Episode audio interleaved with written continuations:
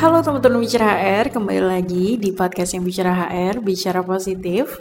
Kali ini kita mau membahas khusus tentang HR atau HR yang um, menjadi apa ya bisa dikatakan menjadi sosok yang sangat dibutuhkan atau diperlukan untuk menjadi support system di sebuah perusahaan. Nah, yang mau kita bahas temanya itu sangat unik nih. HR itu sebenarnya harusnya galak atau friendly sih gitu. Jadi bagi teman-teman yang merasa HR uh, eh, boleh tanya dulu sebelum kita ngobrol di podcast kita. Uh, kalian itu adalah HRD yang tipe mana? Tipe yang ditakutin sama karyawannya atau tipe yang memang berjalan bersamaan bergandengan tangan dengan karyawannya gitu. Um, by the way, kalau misalkan Talita pribadi sebagai seorang HR lebih prefer untuk uh, menjadi HR yang friendly dan bergandengan tangan atau jalan bersama dengan karyawannya karena uh, plus minus sih sebenarnya ya that's why kita bahas ini di podcast gitu ya kalau misalkan teman-teman menjadi seorang HR yang uh, memiliki figur sudah ditetapkan dari awal menjadi orang yang sangat tegas, kemudian galak gitu ya, terlihat galak dan sangat tegas.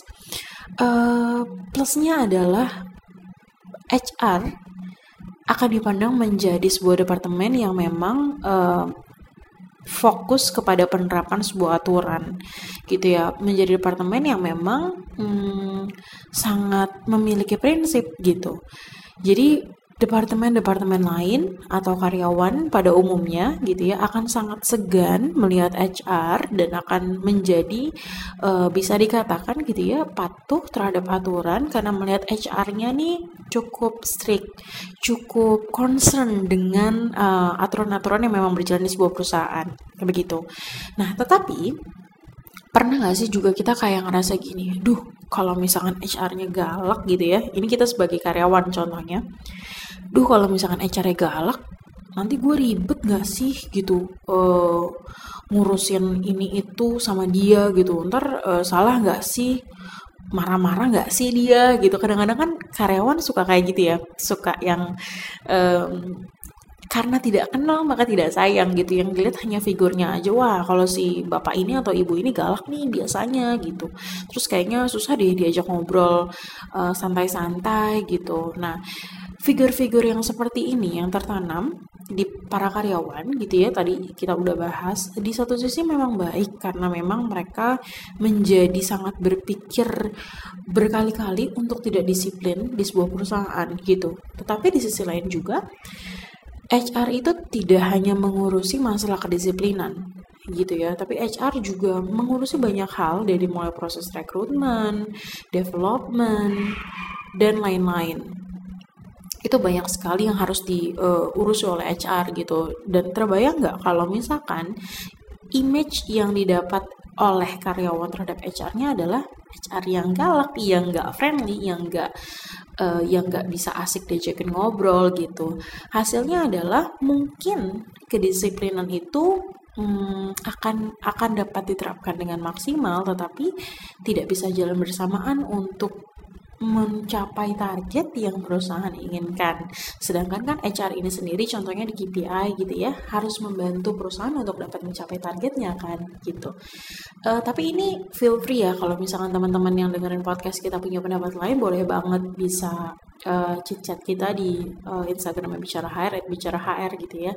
Tapi ini uh, lebih ke ulasan aja sih, ulasan dari uh, sudut pandang HR maupun karyawannya nih gitu.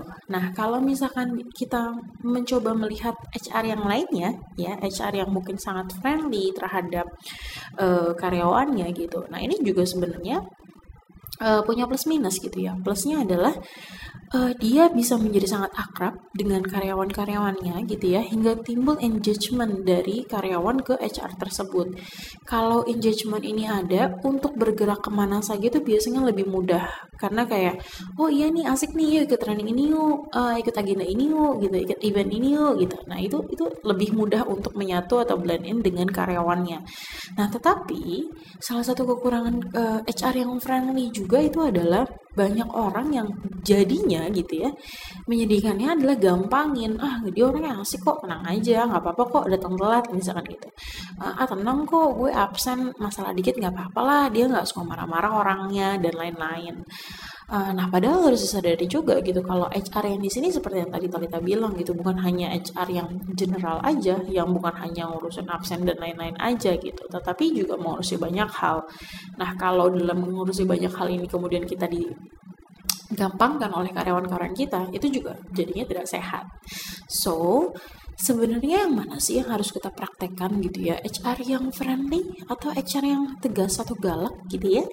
Mungkin kita di satu titik atau di satu kesimpulan yang memang sebenarnya tidak bisa menjadi salah satu gitu. Yang yang yang benar adalah ya kita harus berperan saat kita memang harus menjadi tegas. Ingat ya tegas bukan galak. Tegas itu kita punya prinsip gitu di mana orang harus um, memahami maksud kita dengan penjelasan yang jelas tetapi juga dengan nada yang terkontrol bukan marah-marah gitu ya.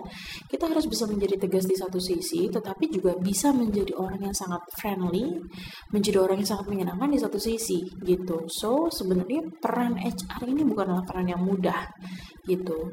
Pun ditambah lagi HR ini adalah penyambung antara manajemen dengan karyawannya. Jadi kebayang nggak kalau misalkan HR ini tuh komunikasinya nggak baik sama karyawan karena tadi ya terlalu terlalu galak gitu ya sering marah-marah misalkan. Hasilnya apa? Apa yang diinginkan manajemen susah tersampaikan ke karyawannya? Gitu. Jadi sebenarnya plus minus. Dan yang terbaik atau win-win solutionnya adalah ya harus menjadi HR yang tahu kondisi dan fleksibel atau agile gitu. Saat kita harus tegas kita tegas. Kita ngomong berdasarkan aturan yang ada. Tapi dengan nada yang tetap terkontrol gitu ya. E, nadanya tetap dijaga. Tata keramanya tetap diusahakan eh, e, menjadi yang utama dalam saat berkomunikasi gitu tapi ketika kita bisa di posisi yang senang, happy dengan karyawan, kita e, membaur, kita friendly, itu juga nggak ada masalah. Tetapi ingat, lihat situasi dan kondisinya, dan ingat juga bahwa teman-teman adalah seorang HR.